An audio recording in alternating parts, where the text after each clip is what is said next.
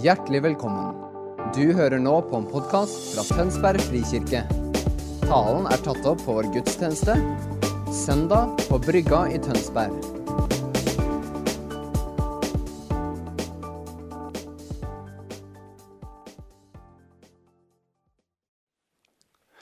Han gjør det ikke helt enkelt for meg, Jesus, for jeg hadde bestemt min innledning på denne talen, og den blir helt feil. Eh, Den blir ikke feil, jeg skal ta den allikevel, altså. Men, men jeg må ha en bro. Fordi det, det Dere, denne tida vi bruker i tilbedelse, handler ingenting om sang og musikk. Tilbedelse kan gjøres uten et eneste ord og uten en eneste tone. Men tilbedelsen handler om at vårt hjerte kobles med Guds hjerte på en sånn måte at vi fordeler Han og hans forhold. Og det er en veldig smart greie. Nå bruker jeg sånn Jan Helge-språk. Han, han, han, har hodespråk på det som er følelsesgreier. Har dere lagt merke til det? Ja. Det er veldig smart, pleier. Det er veldig lurt. Du gjør veldig lurt i! Og gjør som jeg sier, sier Jan Helge. Ja, ja. Come on! Preach it, si! ja. Nei, men det er noe som skjer her når vi går disse, disse strekkene sammen, dere, som menighet. Så skjer det noe i den enkelte av dere, men så skjer det også noe i vårt fellesskap. også her. Så blir vi kanskje mer klar over konsekvensen eller frukten av det på litt sikt. Men det skjer noe, altså. Grunnen til at jeg sa at dette ble utfordrende, var fordi jeg hadde bestemt meg for å si til innledning i talen i dag at dette er dagen for dere som ikke primært tar inn opplevelser gjennom følelsene deres, men gjennom huet. Gjennom tankene deres. Og når Gud tar i vei med oss på denne måten, så er det innmari mye følelser i aksjon. da. Så da var liksom ikke det liksom veldig god timing på en intro. Men, men dere, jeg tenker som så Hvis, hvis 22 svette menn og ei lærkule kan få oss til å juble av full hals, hvor mye mer er det ikke berettiga at vi begynner å hoie i lovprisning og takk når vi fornemmer at Gud beveger seg? Ja, virkelig, altså. Virkelig. Virkelig. Så sier det kanskje noe om min fotballinteresse samtidig. og Dere får heller slå meg etterpå. men, men, virkelig, her må ting stå i forhold til hverandre. altså. Så det er klart at uh, selv, om, selv, om, vi skal ha med oss hodet, så når han kommer og berører oss, det er klart vi blir begeistra. Ja, det er klart. Men, men, det handler om Virkelig handler det om at jeg vil at dere skal i dag koble på tanken. Så du som vanligvis bruker sanseapparatet ditt for å ta imot noe fra Gud, ikke skru det av, men switch over. Bruk tanken. For det vi skal gjøre i dag, det er å gripe og forstå noe som er sant i Guds ord. Og som er utrolig viktig når vi snakker om Guds drøm for verden.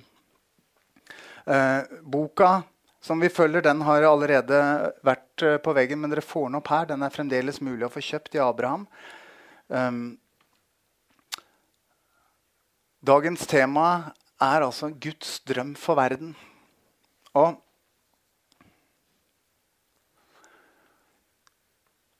når jeg vokste opp som tenåring, så var det liksom det viktigste i TenSing det var å, å finne identiteten din. Ta av deg alle Hva er det vi sa for noe? Maskene. Det var det store. altså. På 80 Ta av deg maskene. Finn identiteten din, og følg drømmen din. Og det er kjempeviktig. Ingen av oss kan lære Gud å kjenne hvis ikke vi kjenner oss selv. Da tar vi feil. Jeg kan ikke gå inn det sporet. Men det er sant. altså. Dere får stole på meg. Hvis vi er usikre på hvem vi sjøl er, og hvis ikke vi har kontakt med vårt eget indre og vårt eget følelsesapparat og vår egen sfære, så er det veldig vanskelig å vite hvem Gud er. Fordi vi forstår han gjennom hans ord, men vi filtrerer alt vi tar imot, både gjennom Guds ord, Bibelen min, og ved Hans ånd. Takk, Bergljot. Uh, vi filtrerer alt sammen gjennom den vi er. Gjennom de brillene vi har. Og Det er derfor vår gode venn Martin Cave sier ikke sant? du ser ikke verden sånn som den er, du ser verden sånn som du er. Og Geir og Ingunn, som jobber mye med samtale og veiledning, vet det. At noe kan være helt stengt for et menneske. Inntil det plutselig åpner seg, og da er det den største selvfølge i verden. Men før det så var det stengt. Hvorfor? For de hadde på seg et par briller hvor det var et felt som var sperra. Billedlig talt. Sånn er det. Og Derfor ta gjerne og skriv ned to bibelsteder som dere kan reflektere over, og som dere gjerne kan be langs. De er lette å huske. Iallfall det første. Jeremia 33, 3. Det bør gå an å huske. Treenighet. 3, 3, 3, 3, 3. Okay? Og der står det Rop på meg, så skal jeg svare deg. Og fortelle deg om store og ufattelige ting som du ikke kjente til. Dere, Hvis vi tror at vi kan kjenne og lære å forstå Gud og hans saker gjennom vår egen forstand og vår menneskelige evne og kapasitet, så tar vi helt feil. Gud er alltid mye større. Så det å be langs med det verset Gud, nå roper jeg til deg. Eller iallfall så ber jeg til deg. Eller i alle fall så sier jeg til deg hvis du, opp, hvis du har noe å si, så kan du si det. Da, da er vi et stykke på avstand, men ok. Det er en bønn, det òg. Ro på meg, så skal jeg svare deg og fortelle deg. Det her er åpenbaringsånden. her er en bønn om å få tak i det som er Guds saker. Også den andre, første Korinterbrev, kapittel 2, vers 8 og 9 i noen bibler, 9 og 10 i andre. Spør ikke hvorfor. Bare er sånn. Der står det Det intet øye så, intet øre hørte. Det som ikke kom opp i noe menneskes tanke. Det har Gud gjort ferdig for den som elsker ham. Og han åpenbarer det ved sin ånd. Skjønner dere? Når vi skal ha tak i Guds drøm for verden, så har vi ikke tilgang på den med mindre Gud ved sin ånd åpenbarer det for oss. For Guds virkelighet er større enn vår virkelighet. Men han vil åpenbare det ved sin ånd til hver og en som elsker ham. Det er løftet i ordet. Så hvis dere tar med dere de to orda inn i deres daglige andakt og inn i deres bibellesing Det er nesten som en sånn uh, Jabes bønn. ikke sant? Utvid mitt landområde. La meg se mer, Gud. Jeg er nysgjerrig. Vis meg mer av hvem du er, og hva du har. Det er på mange måter uh, å skifte sinn. Hvor vi ber Gud Gud, la mine tankebaner og tankemønstre bli erstatta med dine tankebaner og mønstre. La min sannhet, som er mindre, bli erstatta med din sannhet, som er større. Sånn at jeg kan tenke dine tanker. Og et annet vers på det blir det mange vers som, som dere får i begynnelsen her, da, er det vi ofte siterer i vårt hus. Romerne 12 og vers 2. Innrett dere ikke etter den nåværende verden. Hva er det Paulus sier her? Han sier La ikke verdens tankegang, det menneskelige tankesettet, få lov til å styre deg. Men la deg forvandle, altså la Gud forvandle deg, ved at sinnet fornyes. Og hør på det, Ikke ved at du føler noe som helst, men ved at tanken din fornyes. Så du kan dømme om hva som er Guds gode vilje, det som er til glede for Gud, og det fullkomne. Guds drøm for verden har alltid vært den samme. Guds drøm for verden er det vi finner igjen når Jesus lærer oss å be Fader vår-bønnen. La ditt rike komme på jorden som i himmelen. Og han starta det hele bra. Vi kjenner den store fortellingsbuen. Men dere, denne boka har én en eneste fortellingsbue. Og det er Gud som i kjærlighet skaper oss til fellesskap med seg. Og som gjør alt han kan kontinuerlig gjennom alle tider for å invitere oss nær til seg. For å hjelpe oss å komme oss i møte når vi går bort og en gang for alle på korset så gjør han det mulig for hvert menneske som sier ja i sitt hjerte, til igjen å komme nær ham. Dette er den store fortellingsbuen. Men poenget for Gud var at han skapte alt. Og når vi leser første Mosebok 1, så ser vi hele veien igjennom, hver eneste dag. Og han så at alt var såre godt. Alt var såre godt. Alt var såre godt. Og når vi kikker rundt i vårt eget liv eller tar for oss nyhetene en tilfeldig dag, så ser vi at alt er slett ikke såre godt. Er dere med? Og sånn har det vært i alle tider. Og jeg tenker, Jeg har et sånt prosjekt, jeg leser Bibelen litt sånn fort på langs om dagen. og leser meg kjapt igjennom Gamletestamentet, og Da får jeg et overblikk som jeg ikke har hatt så tett på meg før. Og så ser jeg det er jo ikke noe nytt under himmelen. Når folk vender Gud ryggen, avskriver at han fins, og gir seg hen til sine egne ting, så gjør de akkurat det samme om igjen og om igjen og om igjen. og om igjen. Den gang kalte de baalstyrkelse, men hva var det? Ja, Det var tempelprostitusjon, det var seksualitet i fri fryt. det var, skjønner dere? Når vi avskriver Gud, hva gjør mennesket da? Jo, det følger sitt begjær. Hvor er seksualiteten i dag? Iallfall langt utenfor den rammen som Gud ønsket den. Er dere med meg? Dette skal ikke handle om seksualitet. Men jeg bare sier mennesket er ikke veldig, veldig mye annerledes nå enn for 100 år siden, 1000 år siden, eller for den saks skyld 3000-4000 år siden. Og Guds plan, dere, er hele veien å dra oss nær hans hjerte. Og bringe våre liv inn på den plassen hvor vi i stadig større grad kan si at vi kjenner at Gud velsigner livet våre. At vi kommer til en god plass. At det som var ødelagt, blir gjort helt. At det som var, blitt, eh, var synd, blir tilgitt. At det som var av adskillelse, blir til gjenforening. At det som var av hat, blir til nytt vennskap og forsoning. Alt dette er Guds prosjekt. Hele tiden ved sin ånd. Dette er Guds drøm. Dette er Guds drøm. Når Gud skapte, når Gud satte det hele i gang, så, var, så satte han alt i gang, og han sa det var såre godt. I himmelen Hvorfor ber vi på jorden som i himmelen? Jo, fordi dere I himmelen er alt bare godt. Det tror vi. Det ligger i bånn av trua vår. Men hvorfor er alt bare godt der? Jo, fordi at i himmelen så gjelder det Gud sier, fullt ut.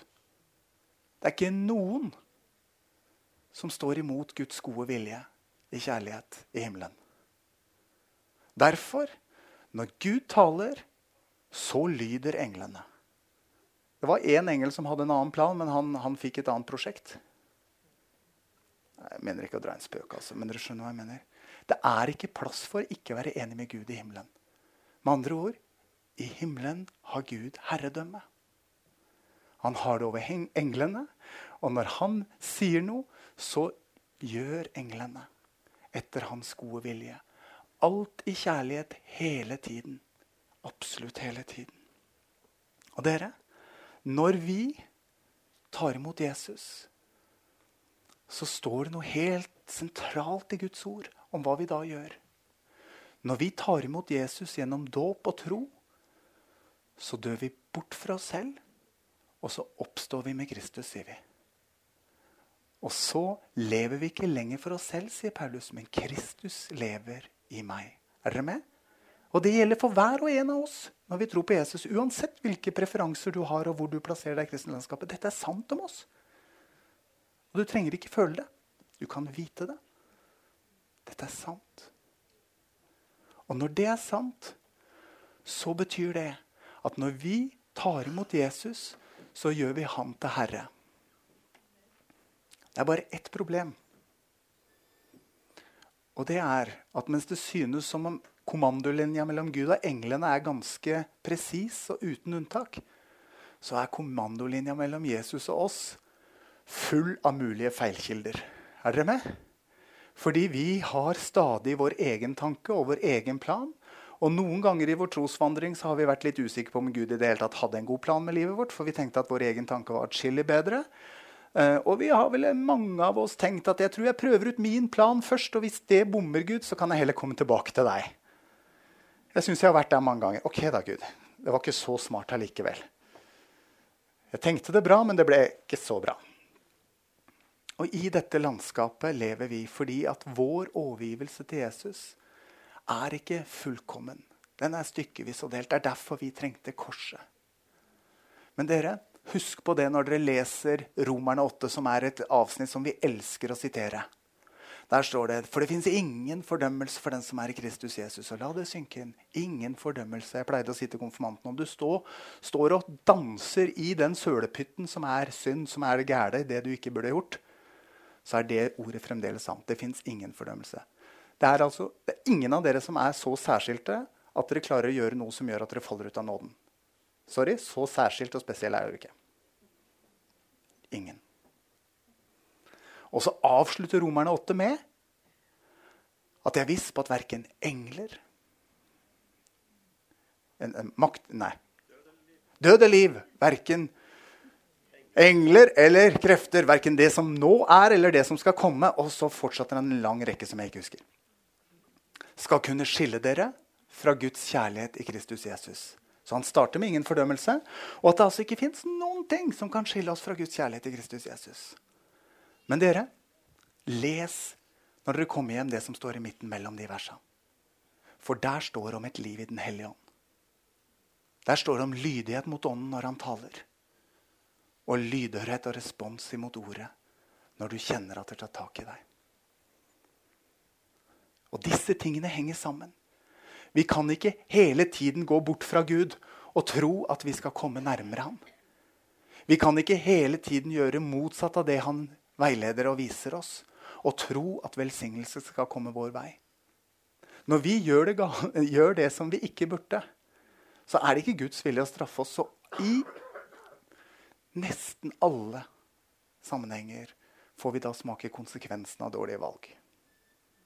Det er det vi gjør da. Det er ikke straff. Det er helt naturlige konsekvenser. Ikke putt Gud inn som, som, virker, som, som den som virker det. Han står der, han. Han er pappa. Han er pappa. Og han står der, og dette har han fortalt oss i Lukas 15. Han står der, og så speider han. Og det første sekundet hvor vi begynner å tenke i vår tanke at nei, kanskje jeg hadde det bedre hjemme hos far, og vi vender om, så står han og speider, og han springer deg i møte før du har fått øye på han. For det er hans godhet som driver til omvendelse. Dere, dette er sant om Jesus. Dette er sant om vår far. Så la oss ikke tulle med dette. Men Guds drøm for verden er et sted hvor han lever i relasjon til oss i et fellesskap som ikke brytes gjennom synd og ødeleggelse. Er dere med? Og det har vi i Jesus. Vår rettferdighet er ikke basert på gjerninger. Det er en rettferdighet som ikles oss, sier Paulus i Galaterbrevet. Og han er ikke snau. ikke sant? Han sier til disse galaterne Han var litt en fyr, forresten. Han, han la ikke to imellom. Har dere tenkt å fullføre i egen kraft det dere begynte i nåde? Med andre ord Og skal dere følge loven, så må dere følge hele loven, ellers er det ute med dere. Så ofte det sniker seg inn noen tanker om oss om at ja, men nå har jeg ikke gjort bra nok. Da er jeg ikke på rette plass i forhold til Gud? Nei, nei, nei, det var det gamle tankegodset. Det er ingen referanse til hva du og jeg gjør som kan få oss til å få en bedre posisjon i forhold til Gud. Er dere med? Dette er det gamle tankegodset. Hvorfor maler jeg så på dette nå? Fordi jeg tror det ligger på Guds hjerte at vi skifter tankesett. Og du kan prøve deg selv. Jeg vil ikke si hvordan du har det med Jesus. Men hver gang du feller en dømmende tanke over deg selv og ditt eget liv, så viser du for deg selv at du sitter i det gamle tankesettet. Og så kan du tenke med deg selv om du trenger å være med på denne prosessen, og la Gud skifte ditt tankesett, sånn at du kan få tenke hans tanker. For når hans tanker stadig vekk og i større grad blir våre tanker, så får han herredømme. Og jeg kan iallfall vitne om fra mitt eget liv at på de områdene i mitt liv hvor jeg kjenner nå at her har Jesus herredømme, opplever jeg en glede og en velsignelse og en fred som jeg ikke kunne kommet til selv. Så holder han fortsatt på med prosjektet Morten, og han blir nok ikke ferdig med det første. Men det er noen plasser hvor han kan si check, liksom. Fikk vi iallfall hjelpe han med det. Er du med? Og vår Herre er ikke utålmodig, da. Fordi han har sagt at det er hans prosjekt. Filipperne 2-13. For det er han som virker i oss, både å ville og gjøre etter hans gode vilje. Så er alt sammen av nåde, da, dere. Alt sammen er av nåde. Og det er han som gjør det. Men vi må være villige til å la han gjøre det. Og vi må være villige til å slippe våre tanker, sånn at vi kan ta imot hans. Og da har, oi, har han herredømme. Har du gitt meg bonustid, eller? Nei, har du ikke? Så flott. Da har vi god tid.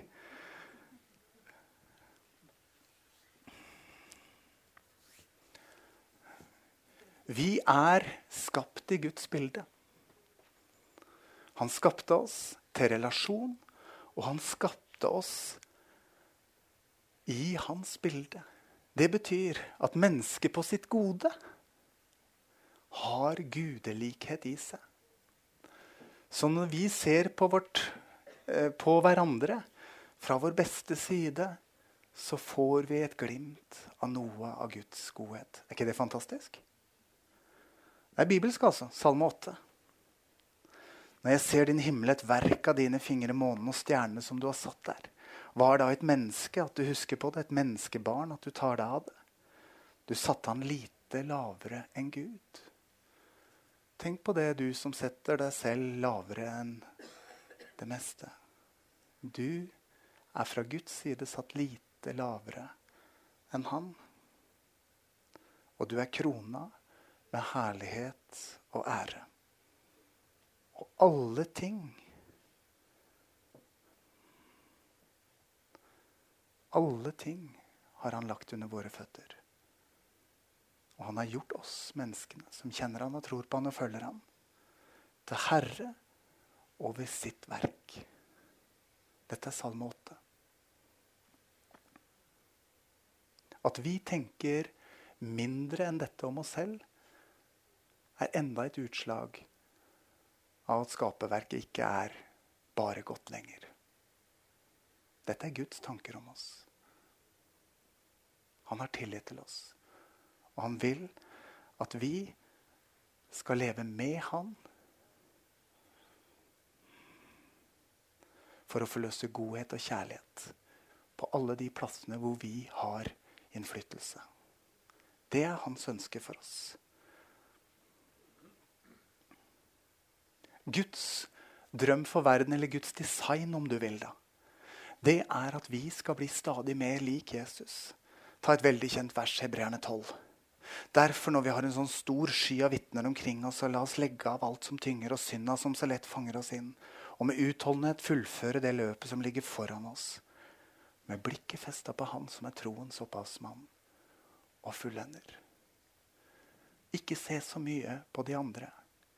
Ikke se så mye på deg selv. Hvis du og jeg holder blikket festa på Jesus, i Hans ord, ved Hans ånd når vi er i bønn eller tilbedelse, så vil det du ser, forandre deg. Så du begynner å ligne det du ser på. Og Det er et annet bibelord på det. Det ble veldig mye bibelord i dag. Det står ikke her, men dere får det. Det er gratis. Andre kor 318. Og vi som ser med utildekka ansikt inn i herlighet, blir forvandla til den samme herlighet. Fra herlighet til herlighet, eh, til herlighet, og det skjer ved Guds ånd. Dette er på ordentlig. Dette er på ordentlig. Og Gud har en hensikt med det. Denne kontinuerlige velsignelsen, denne kontinuerlige forandringen i deg og meg. Og den finner vi i Hebreerne 2. Hør på det her. Han som helliggjør, det er Guds prosjekt. Det er han som helliggjør. Og han, han som helliggjør, og de som blir helliggjort, altså oss, kommer alle fra den ene. Derfor skammer ikke sønnen seg over å kalle dem søsken. Ser dere hvordan Guds ord her stiller også Jesus sammen? Ser dere det?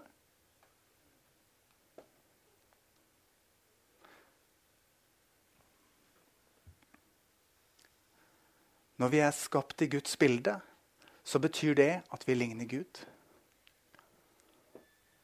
Når Gud ved sin ånd hele tiden jobber med oss for å forme Kristuslikhet i oss, så er det for å være en kanal for Guds rike for Guds godhet og for Guds kjærlighet til denne verden.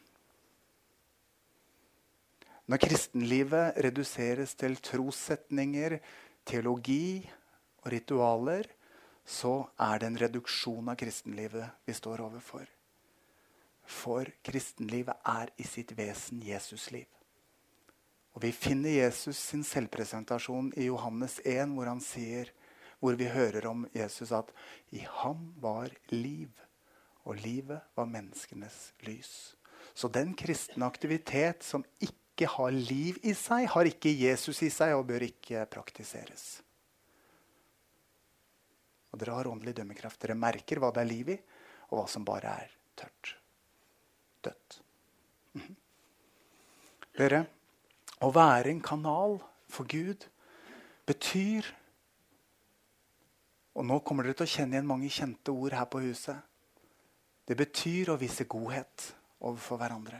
Fordi Guds godhet driver til omvendelse. Det betyr å anerkjenne og hedre hverandre fordi Gud taler stort om alle mennesker. Og se stort på deg og meg, Salme 8, som jeg nettopp har lest. Det betyr å be for syke fordi Gud bar våre sykdommer med seg på korset, Jesaja 53. Er dere med? Sånn at alle de tinga vi driver med, profeti, bønn for syke, hederskultur, godhet Alle disse tingene er tingen vi kler i ord her på huset for å istandsette oss til å kunne være en kanal for Guds godhet i Tønsberg. Og eh, Språkvitenskapen har lært oss at forut for ord finnes ingen viten, bare antakelser. Det er derfor vi jobber med å kle dette i ord, sånn at det blir konkret for oss. Er dere med? Fordi at da kan vi forstå, og når vi forstår, så kan vi gjøre. Så når du viser godhet på arbeidsplassen din, så er du en kanal for Gud og for Hans herredømme overfor dine kollegaer. Når du anerkjenner og hedrer noen, så er du en kanal for Gud og hans sannhet til det mennesket som tror lite om seg selv, men som plutselig hører noen gjenkjenne noe som er godt ved seg selv, osv. osv. Det handler om Guds hjerte. Og Guds hjerte er å forvandle hele verden. Alt dette her er ikke innvortes leketøy for den særlig kristne interesserte. Dette er redskapet for verden, for at verden skal tro. Så det er altså en sammenheng i Guds rike. Den første sammenhengen er at pappa Gud og Jesus er ett. Det finner vi i Johannes 1. Ingen har noen gang sett Gud, men den enbårne som er Gud, og som er i Faderens favn, har vist oss hvem han er. Men så kommer den andre sammenhengen. Den første der er grei. Den, den, den får vi til. Men den, da, dere. Nummer to. Vi som tror på Jesus, er ett med Han. Den som hører meg, hører dere. Og den som forkaster dere, forkaster meg, sier Jesus. La den synke inn et lite øyeblikk. Når Jesus sender ut de 72, så sier han akkurat dette i Lukas 10, 16. Den som hører dere, hører meg. Den som forkaster dere, forkaster meg. Han er ikke helt Jesus heller, da. Det er noen som har sagt. Nei, du er på ingen måte helt Jesus, men du er helt i ham. Og han er helt i deg, og det er derfor dette er sant.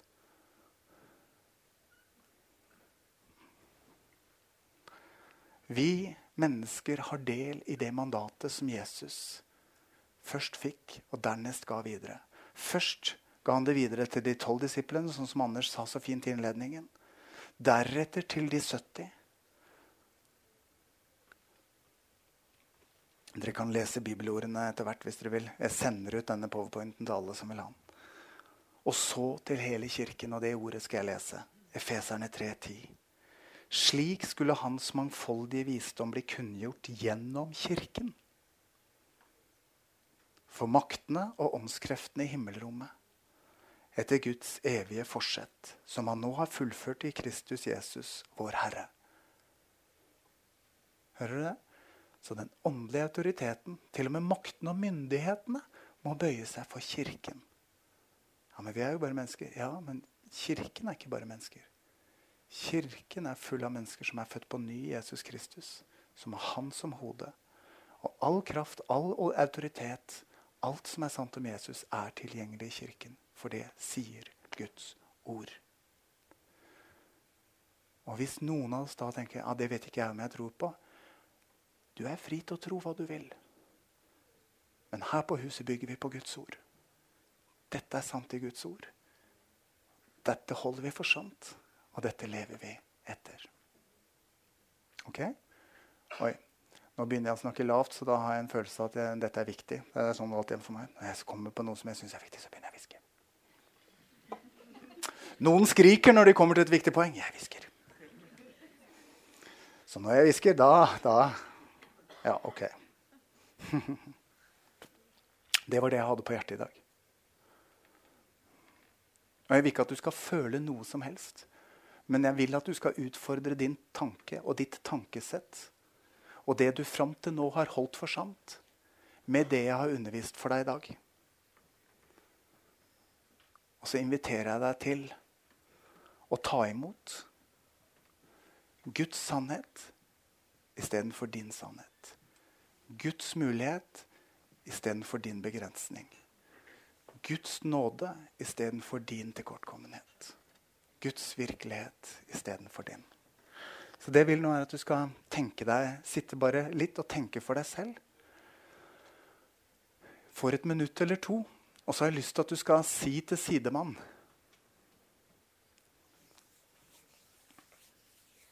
Hvilke konsekvenser er det som jeg har hørt i dag? Hvilke konsekvenser har det for meg? Og en soft intro. Uh, unnskyld, jeg mente ikke å gjøre narr av deg. Det var ikke veldig honoring. Unnskyld. Unnskyld, det går så bra. Men, men jeg vil at dere skal være ærlige. Uh, hvilke konsekvenser får det for deg? Hvilke tanker må du slippe tak i? Og hvilke tanker må du slippe inn? Tenk litt for deg selv, og si det til sidemannen. Nå kan dere begynne å tenke. Skal jeg si ifra når dere kan begynne å prate?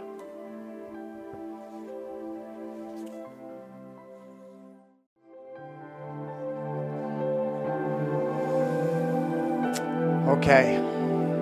Det viktige for meg med å få dere til å prate her, var at dere skulle begynne å kle i ord noe av det som har skjedd inni dere, mens dere har sittet og hørt på nå. For det vi begynner å kle i ord, det husker vi bedre, og da er det lettere for oss å ta det videre. Så det var et lite pedagogisk triks.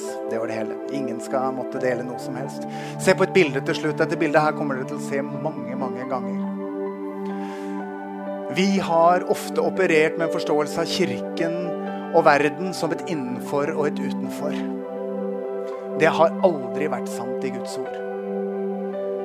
For hele verden er et objekt for Guds kjærlighet. Og hver, hvert eneste menneske er et objekt for hans kjærlighet. Så det handler ikke om du er innafor eller utafor. Det sier ikke alt om deg om du er her og sånn sett er innafor Tønsberg frikirke. Vi vil ikke engang snakke om innafor. Fordi vi er mennesker som lever et Jesusliv, og som har en retning mot Jesus. Og vi er mye mer opptatt av hvilken retning du har, enn om du sjøl tenker, eller om andre tenker at du er innafor eller utafor. Om du deltar i en aktivitet eller et fellesskap, er ikke så viktig for meg. Om du er på alle bønnemøtene eller ingen bønnemøter. Det som er viktig for meg, er at du har en retning mot Jesus i ditt liv. Og har du det, så er du på en god vei. Og da er du med som en av hans disipler. Og hvilke ytre, ytre rammer det får, eller hvilke konsekvenser det får, det er en helt annen sak. Så det betyr at du kan være langt utafor kirka og ikke noen gang ha vurdert å bli med noe i en kristen aktivitet. Men så er det en av dere som er der ute, og som viser godhet. Og som gjør at hjertet til ett menneske får en retning mot Jesus. Han har vært på full fart mot fra Jesus og bestemt seg for at han skulle aldri mer plukke opp barnetrua. Men så møter han en av dere som fordi dere lar Den hellige ånd blåse på dere, blir inspirert til å dele godhet med et menneske som plutselig får pila si snudd andre veien, og som begynner å gå mot Jesus igjen. Kommer han hit med en gang? Nei, sannsynligvis ikke. Kanskje ikke på et par-tre år. Men pila og retningen er snudd. Og da er det bare et spørsmål når han velger å si ja til Jesus i sitt hjerte. Hovedsaken, dere. Vi skal ikke telle vår vellykkahet som menighet i forhold til det med å dele evangeliet på hvor mange får vi med hit. Men hvor mange kan vi hjelpe? Gjennom å være en kanal for Guds godhet, Guds kjærlighet og Guds kraft. Hvor mange kan vi hjelpe til å få snudd pila si, så du igjen begynner å gå mot Jesus? Og noen av de kommer aldri vi til å se frukten av, for de ender opp i bykirken isteden. Velsigne bykirken. Men de har retninga si mot Jesus, og resten er gode konsekvenser. Gud velsigne dere.